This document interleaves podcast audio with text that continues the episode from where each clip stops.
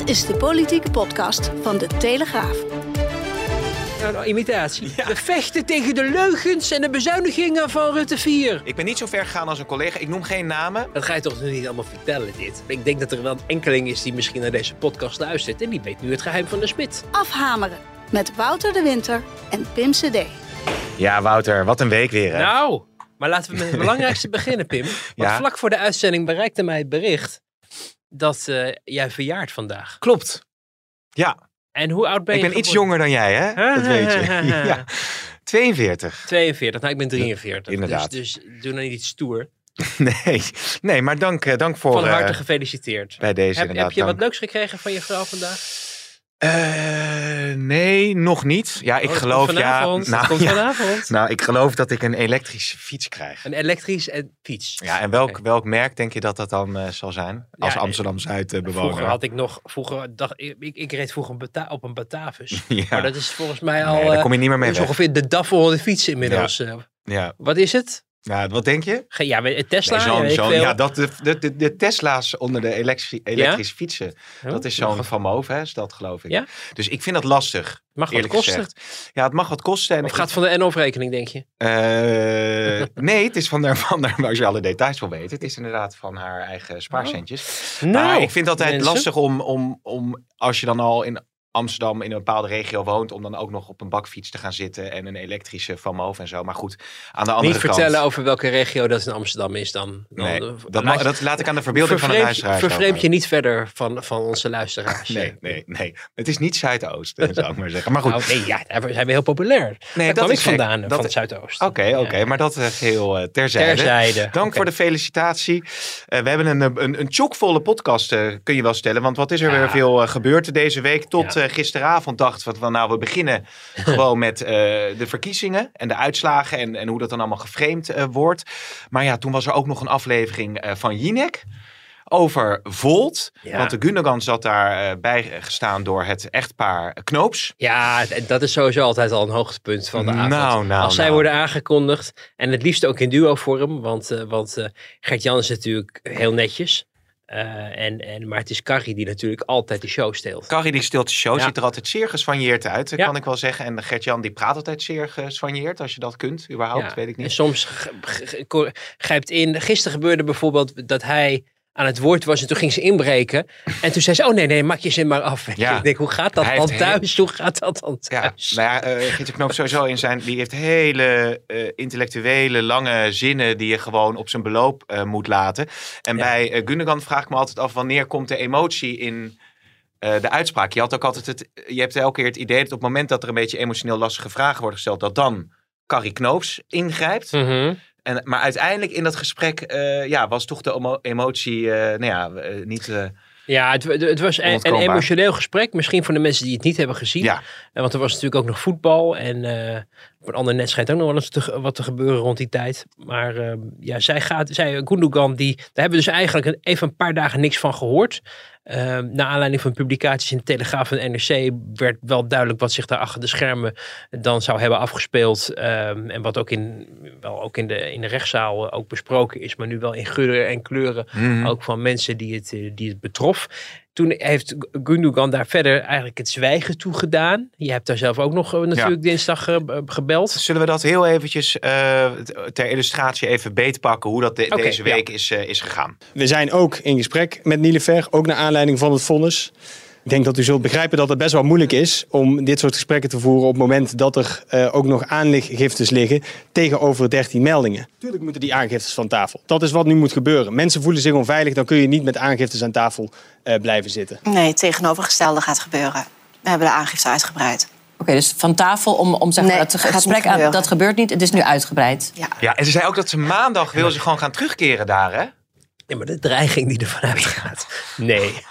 nee. Het wordt uitgebreid. Weet ja. je? Het is echt. Het is, het is, het is, het is goed genoeg voor een, voor een, voor een drama. Voor een ja. mooi, uh, mooie NPO-drama-docu.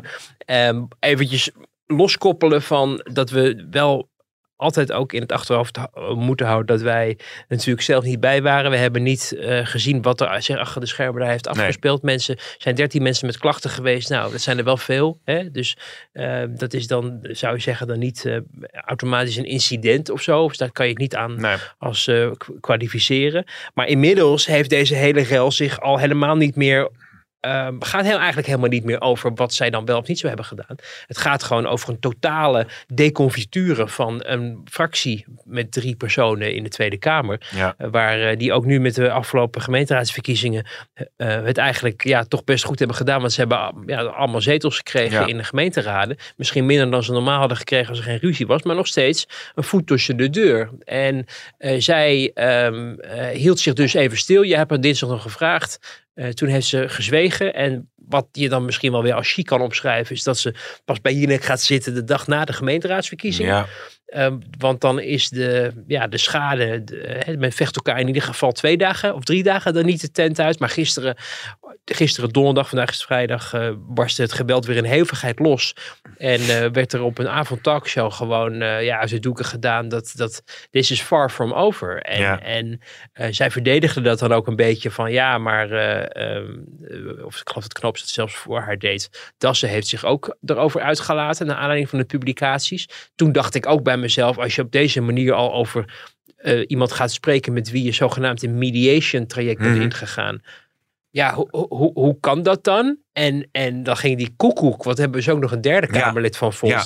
Dat is het Kamerlid voor de Ja. luisteraars die dan eh, de- verdacht werd ervan dat Ik- ze zich te weinig zou douchen Dat- door dat- Gundogan. Dat fragment kunnen we, kunnen we nog even laten horen. Ja, nee, die opmerking is mij onbekend. Ehm, als zij die gemaakt heeft, dan heeft ze niet het lef gehad om dat in mijn gezicht te zeggen. Ja, en wat vindt u daarvan?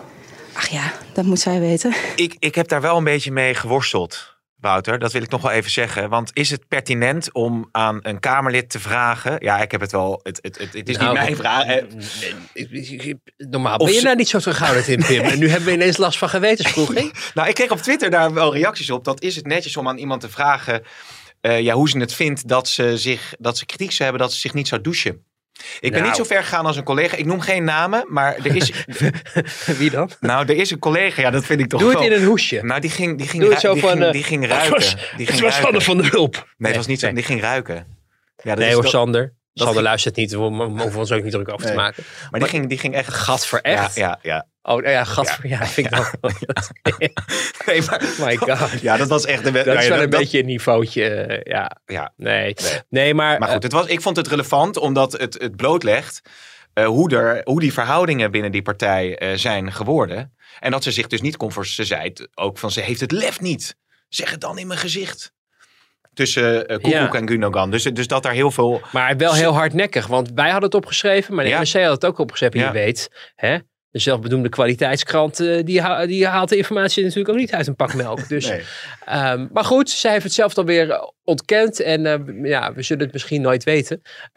Maar ja, daar is de verhouding dus ook mee verstoord. En het einde van het liedje, dus na die hele ja, implosie ook weer bij, bij Jinek. Eh, waarin men echt over elkaar heen buitelde om maar aan te geven van ehm, we staan in ons recht en eh, het is een schande dat het vonnis van de, van de rechter niet wordt eh, eerbiedigd. Hè, want dat was Mhm. ook het argument van Knoops natuurlijk.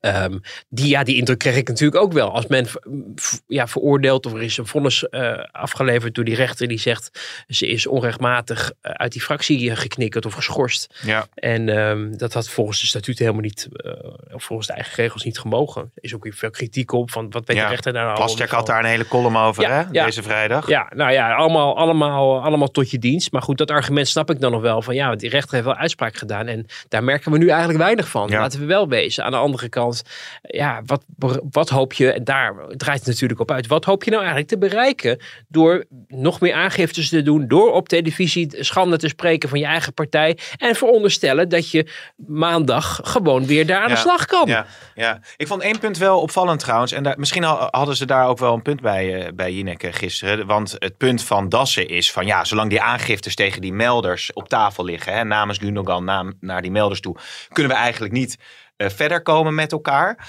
Eh, die moeten van tafel, die aangiftes. Maar gisteren werd gezegd van ja, eh, vanuit Volt is er ook een hoger beroep tegen die uitspraak? Nou ja, dat hangt volgens ik weet nog niet of dat al is aangekomen of dat het boven de markt hangt. Maar, Ja, daar werd maar dat zou een dan ook van tafel moeten, hè? Zij houden dus eigenlijk ook vast aan hun rechten. Hetzelfde Ja. argument wat Knoops gisteren gebruikte, Knoops, uh, Knoops Geert-Jan.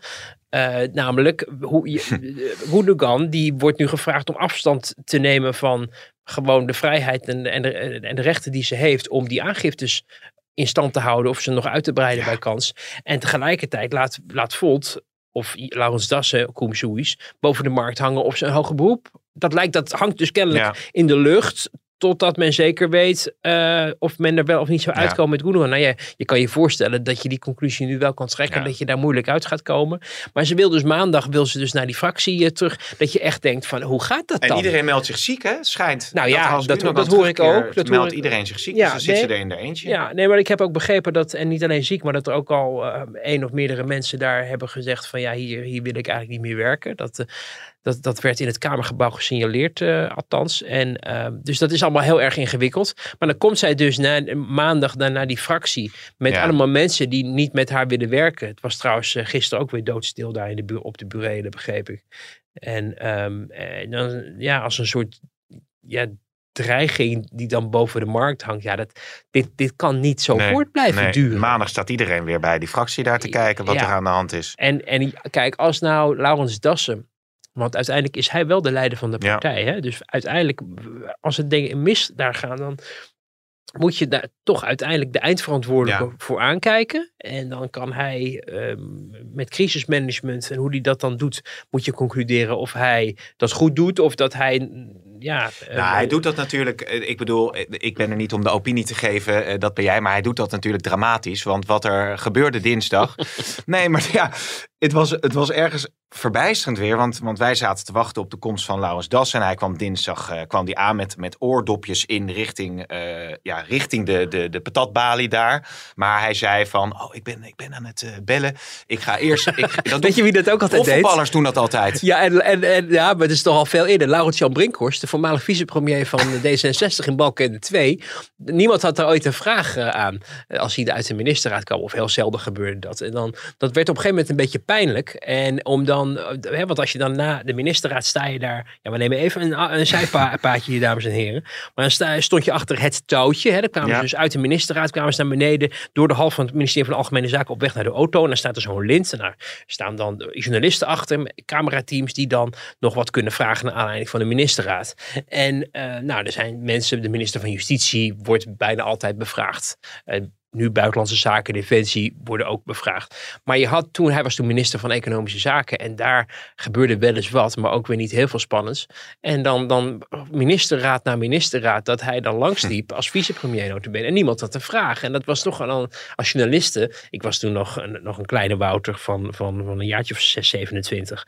En eh, nou ja, dus zat je op een gegeven moment toch ook wel, goh, ja, eigenlijk ook wel best wel pijnlijk. Hè? Dat, Ja, dat ja. iemand steeds maar langsloopt en, en kennelijk niet belangrijk genoeg is om, om eh, bevraagd te worden. Terwijl hij nog wel eens vicepremier is. En toen ging hij op een gegeven moment, ging hij, was hij dan aan, had hij dan zijn telefoon aan zijn oor geklemd. Ja. Wat dan de indruk moest wekken dat hij aan het bellen was. Ja. Of, of misschien was hij voicemails aan het afluisteren. Maar dat was toen een elegante manier om langs te schrijden. Dat het niet zo, niet zo pijnlijk is. Ja, want oh, de minister heeft Maar ja, druk, want die heeft een belangrijk Ja, maar telefoontje. dan, dan doe je het, de beltruc om te laten zien dat je eigenlijk heel blank en druk bent. Ja. Maar hier wordt de beltruc eh, gedaan om maar niet met de journalisten te hoeven praten. En om te Ja. eh, suggereren dat je heel druk bezig bent. Hij was ook in gesprek, eh, volgens Ja. mij. Maar wat gebeurde er nou? Hij, want dat is op de... Zo, op we de gaan weer op- terug naar het hoofdpad. hij, dat is dan op de eerste verdieping. Hij neemt de, eh, de lift eh, omhoog eh, naar de zesde verdieping, naar de Volt-fractie. Ja. Al die journalisten stonden beneden op hem te wachten. Maar had hij nog inderdaad gezegd, dus ik kom straks naar beneden en dan sta ik jullie allemaal rustig te woord.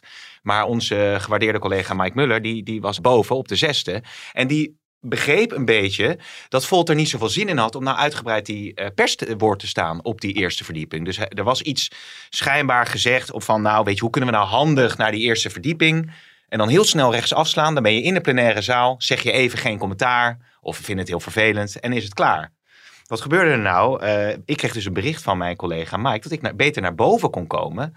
Om daar met Laurens Dassen te praten. Dus ik zei tegen mijn collega-journalist. Ik moet even plassen.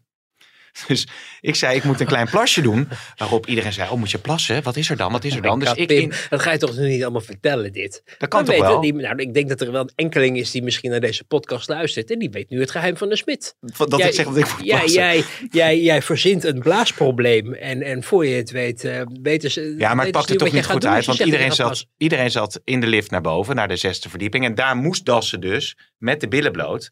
En alle journalisten uitgebreid te woord staan. Want hij kon die truc niet meer toepassen van snel rechtsaf de plenaire zaal in. En toen stond hij ons te woord. En dan denk je van nou, nu komt er een, een doordacht antwoord. Van er is nagedacht over een strategie. En uiteindelijk was daar het antwoord van ja, we weten het eigenlijk niet. En we vinden het heel lastig. En nou ja, dus ik vond dat vrij verbijsterend eigenlijk. Ja, maar goed, de manier waarop ze nou met de media omgaan is natuurlijk ook verbijsterend. Ik heb een paar weken geleden, toen, ze dat, toen hij dan dat statement, toen het allemaal net naar buiten kwam, ging hij dat statement in de hal geven. Daar was je volgens mij ook bij. En toen bleef hij, toen bleef hij hangen bij die Ja, poortjes die, die ja, niet open nee. gingen. Ja, het is, het is allemaal, het is een jonge partij. Ze proberen het, ze overleggen het. En, en het is allemaal ja, een beetje amateuristisch. Of misschien niet een beetje, misschien wel veel. Maar uiteindelijk moeten we, moeten we afrekenen eh, de, hè, de, de, de manier waarop deze crisis wordt opgelost bij die partij. En daar zal Dassen, eh, als hij dus een goed leider is, voor maandag eigenlijk Ja. al een oplossing voor moeten vinden. Want je kan niet maandag dit, dit, dat is, het is gewoon een uitnodiging voor een circus wat we hebben gekregen. Want hoe gaat Circus dat dan? Volt. Ja, Circus Volt. Dan komt die Nidiver Gundogan, die komt dan naar die fractie, de nummer twee, om daar kennelijk achter hun bureau te gaan zitten. En er zijn allemaal medewerkers die, zoals, we, zoals ze zelf in de kranten vertellen, doodsbang zijn voor haar. Ja, Ja, hoe gaat dat dan verder? ja. Eh, dus hij zal, eh, en ik denk dat het ja, toch er niet anders op zit dan ehm, dat je, haar eruit knikken. ja, dat, dat, Dat, dat, ja. ik zie eigenlijk niet een andere mogelijkheid. Alleen, ja, eruit knikkeren, daar heeft de rechter dus van gezegd dat dat niet mocht. Nee. Eh, of die mocht, ja, Ja. mocht in ieder geval niet geschorst worden. Eh, maar de- ja, er is wel weer een nieuwe situatie ontstaan. Dus je zou je daar misschien nog achter kunnen verschuilen. Van ja, eh, of het mediation traject, traject heeft niks opgeleverd. Want dat zou je natuurlijk Mhm. ook nog kunnen, kunnen aanvoeren als argument. Maar ehm, ja, eh, eh, Da- Dassen zal hier uiteindelijk toch eh, echt wel de knoop over moeten doorhakken. Want dit, dit, dit kan eigenlijk gewoon Nee. niet. Nee, nee. Nou, dat wordt allemaal vervolgd volgende week hoe dat al verder gaat bij Volt. Het waren ook nog de gemeenteraadsverkiezingen met een historische lage opkomst, eh, helaas, zou je kunnen stellen. En eh, op die woensdagavond eh vreemde, zoals wij in de, in de Telegraaf ook hebben geschreven en ook al hebben geanalyseerd in een video, eh, de lijsttrekkers de uitslag in hun voordeel. Het ziet er naar uit dat de VVD vanavond de grootste landelijke partij wordt bij deze gemeenteraadsverkiezingen. Vandaag zetten wij een belangrijke stap, een hele belangrijke stap, op weg naar herstel beter dan we ons konden voorstellen. And you ain't seen nothing yet. Dank jullie wel. We hebben de exit poll gezien. En welke partij was de grootste partij in Amsterdam? De PvdA! Onze eigen Louise van Gaal. De beste, we zijn de beste van Amsterdam. Inderdaad, ja. Dat was opvallend. Hè? Dat, dat was meteen al op die woensdag dat, dat, dat, dat, dat jij erop aansloeg. Eh, Ja. op, op, Ze was zo aan het gillen. Iedereen, iedereen veerde op. Ja. Er gebeurde toch nog wat spannend die avond. Ja. Ja, ik, ik, eh, het- kijk, het is niet ongebruikelijk om ehm, een verkiezing eh, eh, resultaat eh, te duiden op de manier waarop dat jou het, het, ja, het beste uitkomt, het minste ehm, laat zien als er problemen zijn. Wat je zag gebeuren eigenlijk al heel vroeg in die avond is dat iemand als Mark Rutte van de VVD, ehm, hè, je kan je misschien nog herinneren hoe, ze, hoe die vroeger bij de landelijke verkiezingen zich heel lang opgesloten hield Mhm. in zijn hotelkamertje daar bij eh, eh, het Scheveningse strand, waar ze toen in die strandtent die verkiezingsoverwinningen vierden, de eerste twee volgens mij, eh, voor, in aanloop naar Rutte 1 en Rutte 2. En dan, dat was ook omdat er een nek-aan-nek race ook was met andere partijen, met PvdA natuurlijk. Ehm, en dan is het ja, het, vooral de bedoeling dat je de overwinning komt claimen. Maar nu weten ze wel dat er gemeenteraadsverkiezingen zijn en die uitslagen komen na middernacht. Dus wat doe je? Je, je, je gaat naar de eerste exit poll. Waarin je denkt van, nou ja, het ziet er wel goed uit. En misschien de tweede exit poll eh, van, want het zijn allemaal voor gemeentes. En dan zeg je, van, het ziet er fantastisch uit en we zijn geweldig. En precies zoals Rutte, ook over toepen. Hè, van, wij zijn de grootste eh, landelijke partij. Dat ging in de loop van de avond, ging die pendule weer richting het CDA Ja. overigens. Wat ook maar weer aangaf hoe risky het is als je zo'n uitspraak doet. Maar ook hoe slim, omdat je daarmee Die quote was namelijk in alle journaals en ook nog de volgende dag overal te zien. Want dat was het moment dat je Rutte in actie kon zien. Namelijk toen er nog niks bekend was. En hij iedereen kon wijsmaken dat hij inderdaad de grootste was geworden. Uiteindelijk bleek dat ook op een, hè, ik geloof 0,2 procentpunt voor op het CDA gebleven. Uh, die dan dus uh, de tweede zijn geworden qua grootte voor landelijke partijen. Maar, dus, maar zo doe je dat dus. Je, je, je, je zendt een boodschap de wereld in waarin je doet alsof je gewonnen hebt. Ehm, uiteindelijk, nou ja, hij heeft natuurlijk flink verloren. Dus hij heeft zetels ingeleverd. Maar als je over het hele speelveld bekijkt, uh, ja, niet, niet alle partijen doen in alle gemeenten mee. Dus als, je dat, als je al heel hoog inzet door een heleboel gemeenten in te zetten, eh, mee te doen, dan heb je eigenlijk al een redelijke uh, vooruitzicht op een goed resultaat in die, in, als je het zo bekijkt. En dat zag je eigenlijk over de hele linie. Uh, bij het CDA uh, natuurlijk, die hebben natuurlijk ook fors verloren, maar minder dan ze hadden verwacht. Ik denk dat dat overigens wel een terechte analyse is, want het viel echt wel wat mee voor het CDA. Die hadden veel erger verwacht, alleen de opkomst was laag. CDA-stemmers zijn vaak trouw, de oudere kiezers vooral. Daardoor betekent dat het CDA er relatief goed vanaf kwam. Mm Ehm, dus nou, prima. Bij het CDA zij ging echt, nou de vlag ging niet uit, maar dit had echt veel erger voor hen kunnen aflopen, was het idee. En dan zo'n PvdA, dat als je die over de hele linie bekijkt, echt nauwelijks van zijn plek komt landelijk. En dat is een bloody shame voor een partij die uh, ooit de premier leverde en, en tot 60 zetels gepeild werd uh, op een zeker moment onder Wouter Bos. En die dan op basis van een enorme verkiezingsuitslag in Amsterdam dankzij de campagne van een hele goede lijsttrekker de partijleider op het podium kruipt en de boel bij elkaar gaat staan schreeuwen alsof ze de verkiezingen heeft gewonnen. Wat natuurlijk helemaal niet waar is. Bovendien, het succes wat er is gehaald komt niet door haar, maar komt door Marjolein mm. Moorman. Mm. En, en mm. dat is eigenlijk, dat zag je trouwens ook al op een gegeven moment een beetje gebeuren. Alleen als je deed het op een wat, wat, wat kalmere manier en wat, wat uh, bescheidener manier. Toen Frans Timmermans de Europese verkiezingen won bekend gezicht, ja. uh, goede debater. Uh, en toen was Asscher ook um, degene die natuurlijk ook wel nou, er stond als partijleider van hè, we, dit is uh, hoopvol en we komen weer terug en dat soort dingen. Maar die overwinning was natuurlijk ook Timmermans binnengesleept. Maar alleen als je dat dan vergelijkt met hoe hij daarop reageerde en hoe zij woensdag de boel bij elkaar stond te schreeuwen. Dat leek meer iemand die um, denkt dit is misschien wel de enige kans die ik krijg om uh, iets van een positief signaal te laten te vieren. Ja, want, want dat, Is, eh, dat is haar niet gelukt bij de afgelopen Tweede Kamerverkiezingen. En het gaat nog steeds niet goed met die en, PvdA. En dan lees je in de krant uh, op deze vrijdag uh, weer de, de, ja, je zou kunnen zeggen, de traditioneel kritische geluiden ja. over het leiderschap van Ploemen. Ja. En wat natuurlijk ook wel interessant is bij de PvdA, is dat de, de kanonnen, hè, Abu Taleb, Timmermans, Moorman dan in dit geval, die zijn, die zijn er wel voor de partij. Mhm. Maar alleen niet landelijk. Nee. En dat is dan een beetje de, de, speling van het lot. Hè? De, de die natuurlijk uh, zich genoodzaakt voelde om af te treden als partijleider naar aanleiding van de toeslagaffaire.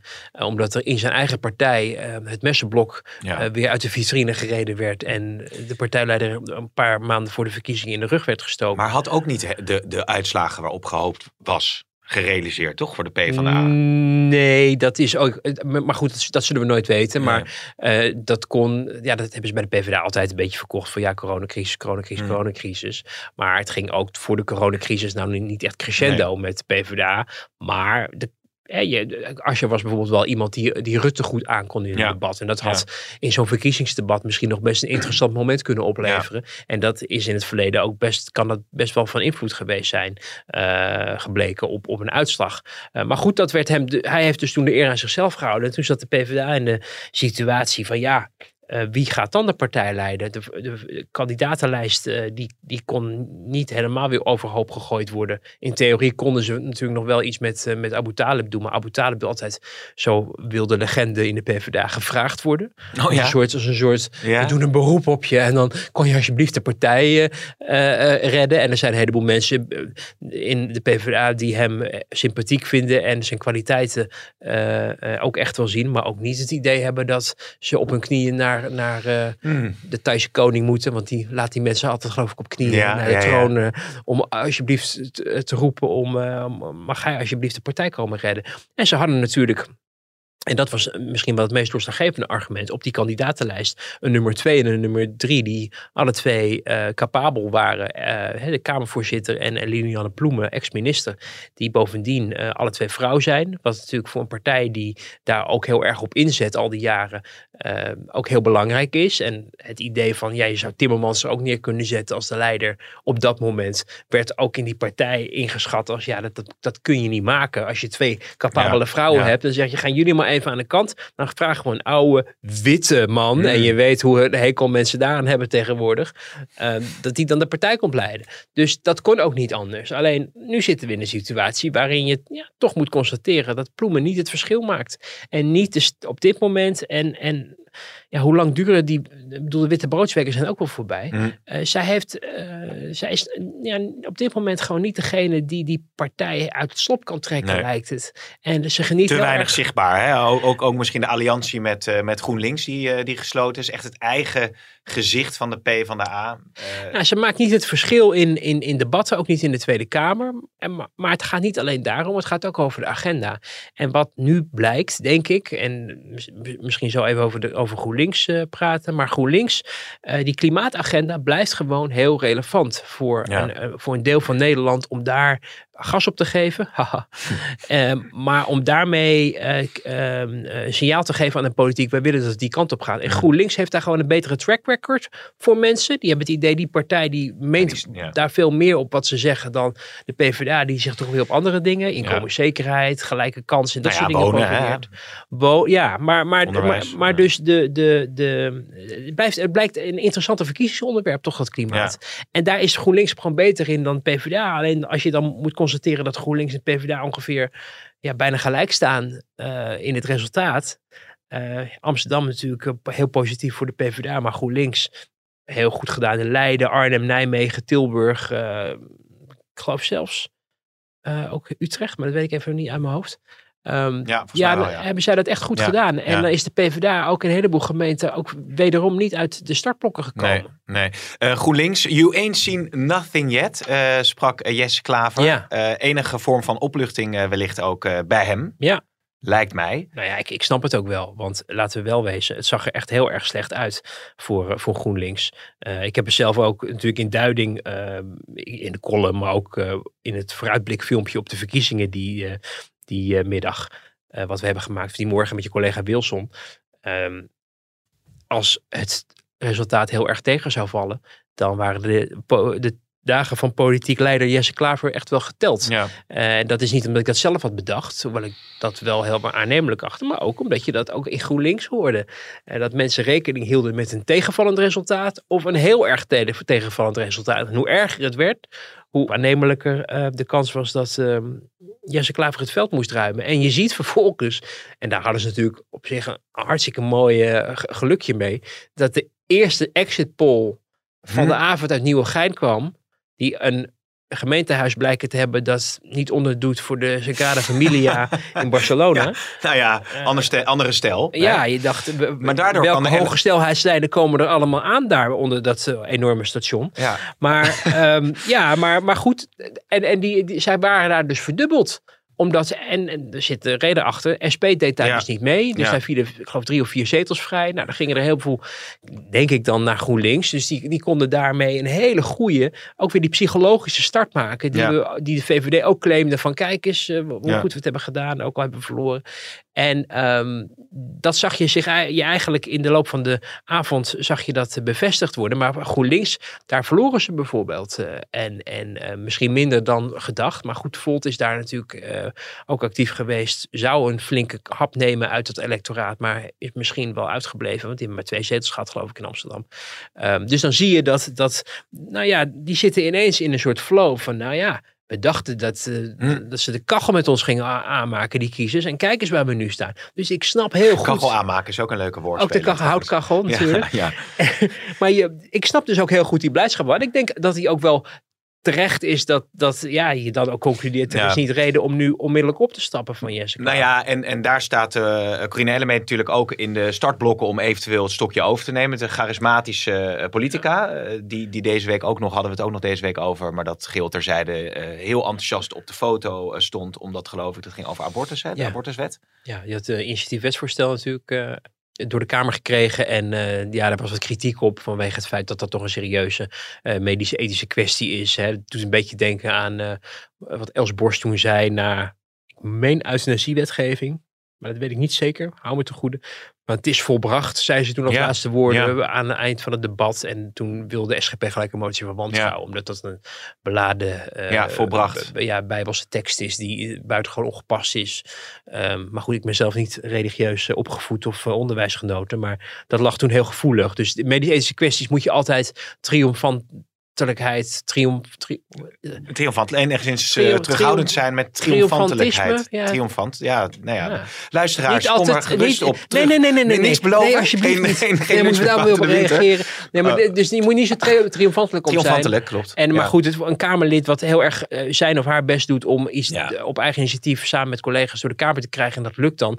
Dat, dat, dat, is, een, een, hè, dat is een zwaar traject. Dat is ook een beetje datgene waar je de geschiedenisboeken in mee zal gaan. Als Ja. een wet door jou in, in, eh, eh, wordt aangenomen en de law of the land wordt. Dus die ontlading, die snap je dan wel. Maar goed, een foto erbij natuurlijk eh, erg eh, onhandig. Ja. Zij zal dus nog wel wat langer moeten wachten, denk ik, voor ze het stokje overgedragen krijgt. Hoewel je ook heel goed kan voorstellen dat Klaver met opgeheven hoofd nu zegt van... eh, eh, Ja. hè, want dat is, het is be- beter om als leider weg te gaan op een moment dat het nog Ja. goed is... dan dat het helemaal eh, verkeerd gaat.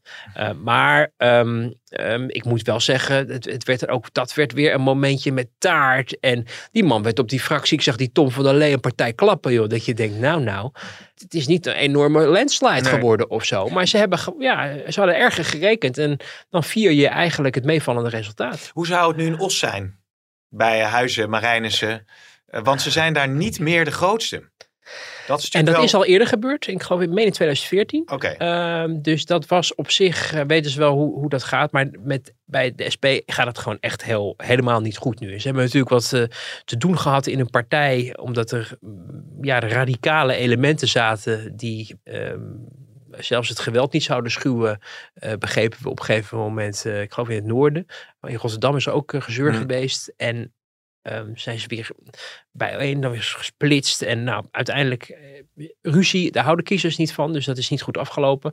Maar de, de- ja, bij de SP moeten eigenlijk opnieuw de alarmbellen afgaan. Alleen de vraag is, ja, hoe- hoeveel alarmbellen heb je nog nodig? Hè? De vorige, bij een van de vorige eh, tegenslagen heeft de partijvoorzitter Ron Meijer eh, het, het vallende mes gevangen en is opgestapt. Maar goed, die is weg. Er zit een nieuwe partijvoorzitter en die gaf maar weer de schuld aan de coronacrisis Ja. en dat ze niet de straat op konden. Nou ja, dat gold natuurlijk voor alle eh, partijen. Ik denk dat je veel meer moet denken van wat is de koers die je vaart en past die nog wel bij de zorgen van de mensen van deze tijd? En je ziet bijna desperate pogingen eh, met, met hengelpogingen richting eh, de, de rechterflank hè, van de protest. Ze waren natuurlijk vroeger een partij, of nog steeds een protestpartij, maar er wordt veel harder en effectiever geprotesteerd tegen de koers van het land door eh Forum voor Democratie en de PVV. PVV is natuurlijk al best wel steady op een, op een flink aantal zetels. Veel meer dan de SP nu heeft in de Tweede Kamer. En eh, ja, hun, hun roeptoeter eh, trekt meer kiezers kennelijk. Dus dan zag je dat in, die, in het verkiezingspotje ja, Lian Marijnis het al had over... We vechten hier tegen... tegen ja, nou, imitatie. We vechten tegen de leugens en de bezuinigingen van Rutte 4. En dan denk ik, die, die mensen zitten er net twee maanden. We kennen ze nog niet eens. En ze, en ze zijn dat het boel bij elkaar het liegen. Ja. Ik vond het een beetje ongeloofwaardig, maar het gaf ook de armoede aan eigenlijk van de eigen ideeën en van de eigen... Ik bedoel, het ziet er allemaal gelikt uit door zo'n spotje. En ze hebben geld zat om, om iets moois mee te doen. Alleen, de vraag is wel hoe lang nog, want de afdrachten zullen ook wel teruglopen langzamerhand met minder zetels. Maar ehm, het gaat uiteindelijk toch om de boodschap. En kan jij een geloofwaardig alternatief bieden voor kiezers die vinden... de koers van VVD, D66, CDA, ChristenUnie bevalt me niet. PvdA, GroenLinks vind ik niet interessant en daarom wil ik op de SP stemmen. Hm. Dus het gaat denk ik nu echt om de koers die bijgesteld moet worden. En het poppetje, Weet je, Marijnissen ik kan prima debatteren en is ook echt gegroeid naar rol, vind ik, de afgelopen jaren. En uh, weet je, die staat echt wel haar vrouwtje in, in zo'n debat ook. En ook in verkiezingsdebatten. Alleen, het gaat toch om de koers, denk ik. Je moet iets doen. Je moet, je moet toch echt bij jezelf te raden gaan van, past het ook het model waarop wij, oh, je hebt een Ja, dat is natuurlijk stom, want ik heb mijn telefoon niet uitgezet. Ik, ben nou, op, hoor. Ik wil niet dat dus onze podcast even, al te veel nee, gestoord bij maar de is, uh, dit, Even kijken, ja, dat is, dat is mijn broer die, die bellen natuurlijk allemaal mij te feliciteren. Dat vind ik altijd het vervelendste. Oh, dan mag het. Nou, ik vind Zag het, je mij zo cynisch reageren en nu was het eigenlijk als iets liefs bedoeld. Nee, maar ik vind, het, ik vind het vervelend aan zijn al die, al die telefoontjes en zo. En die berichtjes. Dus ik houd het liefst ook altijd een beetje stil. Ja. Maar goed, dat, dat geheel, geheel terzijde.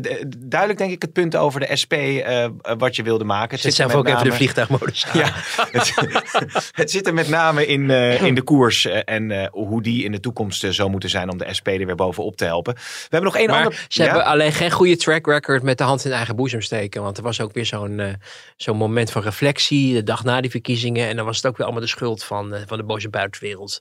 En, en uh, ja. Ja, ja, maar ja, dat, dat, dat, is ja. niet. Ze moeten er echt gewoon zelf het gewoon serieus nemen dat, dat kiezers zijn weggelopen en niet meer terugkeren. En dan heb je het over een aantal dingen. Het gaat niet alleen maar over, over eerlijke kansen. Uh, en, en mensen geld toestoppen. Maar het gaat bijvoorbeeld ook over iets als immigratiebeleid. Ja. Waar Jan, Jan Marijnissen uh, redelijk uitgesproken over was. En waar ze wel hebben geprobeerd of ze daar weer naar terug kunnen keren. Maar dat kader houdt het dan weer tegen. Uh, dus het ligt echt niet alleen maar aan de Haagse fractie in de Tweede Kamer. Maar ook aan die partij zelf. Ja. Die misschien iets te veel nog in, in de vorige eeuw leven. Als het gaat om actie en de straat op of zo. Ja. Want mensen laten hun ongenoegen op een andere manier blijken.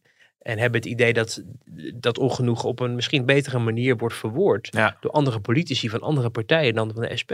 Er is nog één ander punt wat jij wilde aanhalen. Dat Ja. uh, gaat terug naar het vragenuur van afgelopen dinsdag. Een uh, vraag van Caroline van der Plas aan uh, justitieminister Jezielgus. neem de luisteraar even mee, Wouter.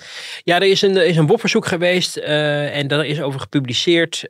en daaruit leek een indruk te ontstaan dat um, het ministerie of de ministeries bezig zijn om uh, ja, Kamerleden in de gaten te houden over wat zij, hoe zij zich uiten. En dat dat moet, in de gaten moet worden gehouden zodat er ook geen nepnieuws wordt verspreid. Uh, en, en dingen niet een vliegwiel krijgen die, uh, die in tijden van crisis, maar goed, dat is nu het argument, crisis, um, ja, tot ophef kunnen leiden of misinformation of eigenlijk in feite ondermijning van de kabinetskoers. Nou, je kan je instinct gevoelsmatig wel voorstellen dat als je dan zo die informatie tot je krijgt, dat je denkt, hoezo worden er mensen in de gaten gehouden? Dat klinkt allemaal best wel, best wel heftig. Moet je zeggen, dat, het gebeurt ook wel eens dat, dat als wij zitten in een filmpje een analyse bespreken of als ik op televisie of de radio en nog even los van mijn stukken in de krant, maar die worden sowieso, uh, hè, want dat staat op schrift, die worden verspreid uh, in, in kabinetskringen. Uh, maar dat geldt ook voor analyses op televisie van journalisten of andere mensen die over, over bijvoorbeeld het kabinet praten. Dus dan zitten de mensen van de RVD te tikken en die zitten dan op te schrijven wat jij hebt gezegd, zodat een minister die die avond een debat heeft of iets leuks is aan het doen met zijn man of zijn vrouw of gewoon niet televisie keek, wel nog even naslag kan doen van wat is er over het kabinet gezegd over mijn portefeuille en minister. Ja. Um, zo'n, zo, ja, dus die, die transcripties worden sowieso de hele tijd rondgepompt. Toen ik dat voor het eerst hoorde, vond ik dat ook best wel raar. Want dan lees je je eigen woorden terug, die toch iets anders zijn dan dat je daar een paar dagen voor een mooie analyse in de krant over kan nadenken. Uh, dus ik snap de, reflex, de, de ja, reflex wel van hoezo worden wij in de gaten gehouden. Maar het is ook al bij MH17 bijvoorbeeld gebeurd dat uitspraken van, van Kamerleden uh, ja, werden genoteerd, werden opgemerkt en in een overzicht ook werden verspreid in de Rijksoverheid, ja. zodat men weet wat er speelt rond een gevoelig dossier.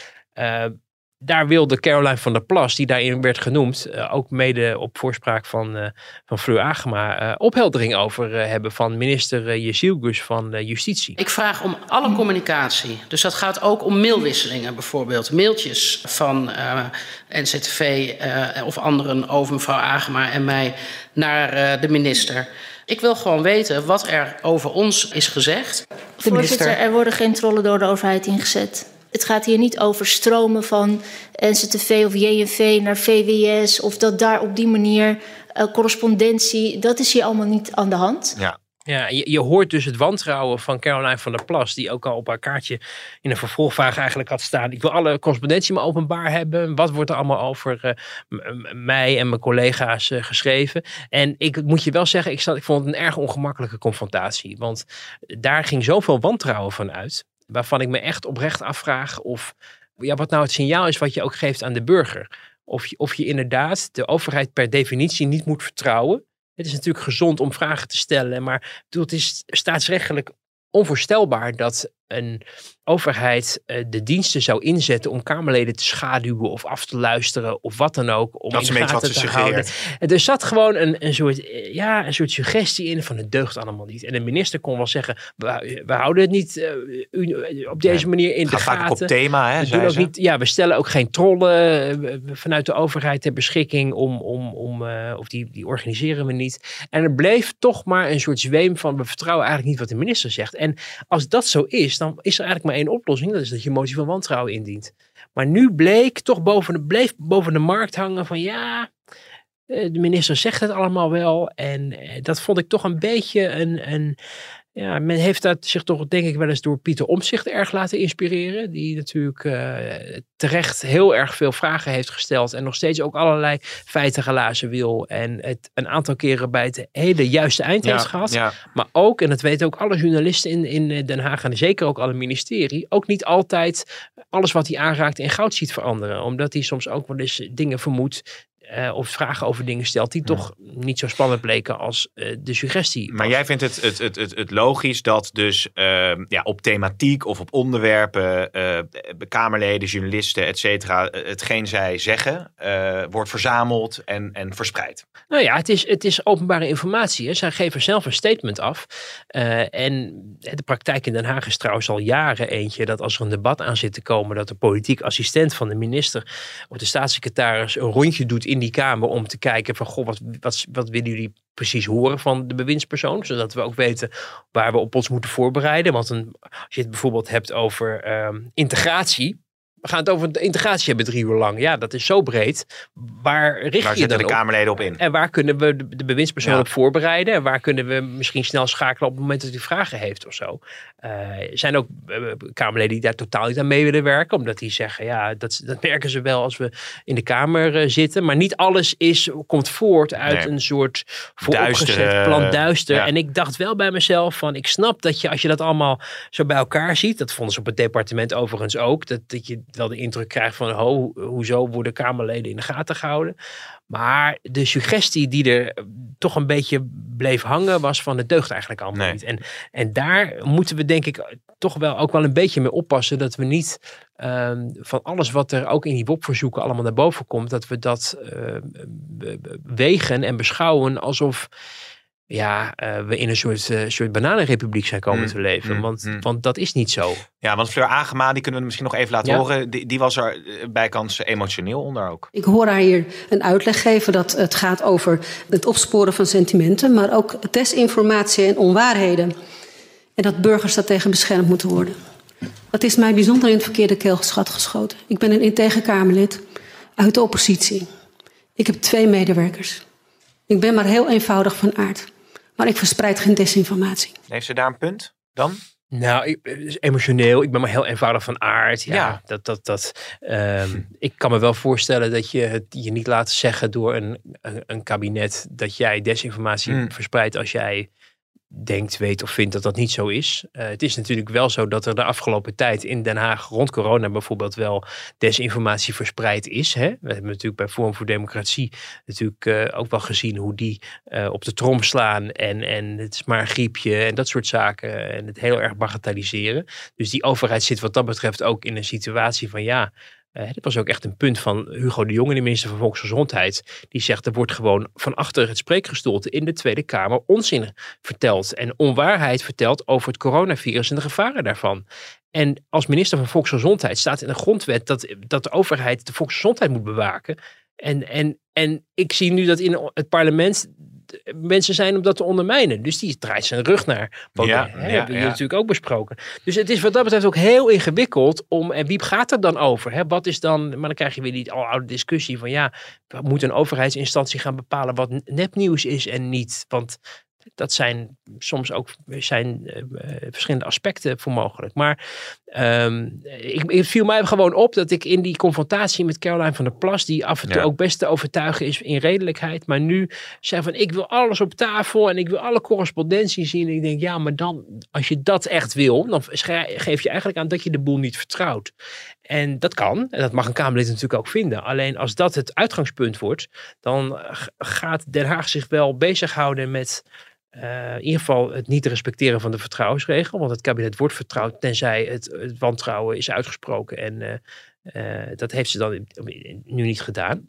maar het is ook, het ondermijnt ook op de lange termijn. Omdat de burgers die inschakelen voor het vragenuurtje ook denken van nou ja, uh, die uh, Jezielgus is niet te vertrouwen. Nee. En Van der Plas is natuurlijk ook een populair Kamerlid uh, die ook een heel groot bereik heeft. ja, en dat, dat, dat brengt natuurlijk ook wel een extra verantwoordelijkheid met zich mee. Dus ik, ik snap de vragen wel die ze daarover stelden, maar wat bleef hangen was, het deugt nog steeds niet en de minister die verzint maar wat of die spreekt de waarheid niet. En als je dat niet dan ook omzet in een, in een motie van wantrouwen, vind ik het, ja, dan ben je de boel wel misschien niet helemaal op dat moment bewust van, maar wel heel erg aan het ondergraven in, in het vertrouwen wat ook de burger in de overheid uh, uh, moet hebben. Ja, Oké, nou dat zijn uh, de mooie... gezonde sceptisch natuurlijk altijd overeind zeker, laten. Zeker, dat, dat is ook wat wij als journalisten ook nou. moeten, moeten hebben. Wouter, dank voor nu. het belooft volgende week ook weer een interessante politieke week te worden. En dan, ja, zeg ik tot dan. Fijne verjaardag. Dankjewel.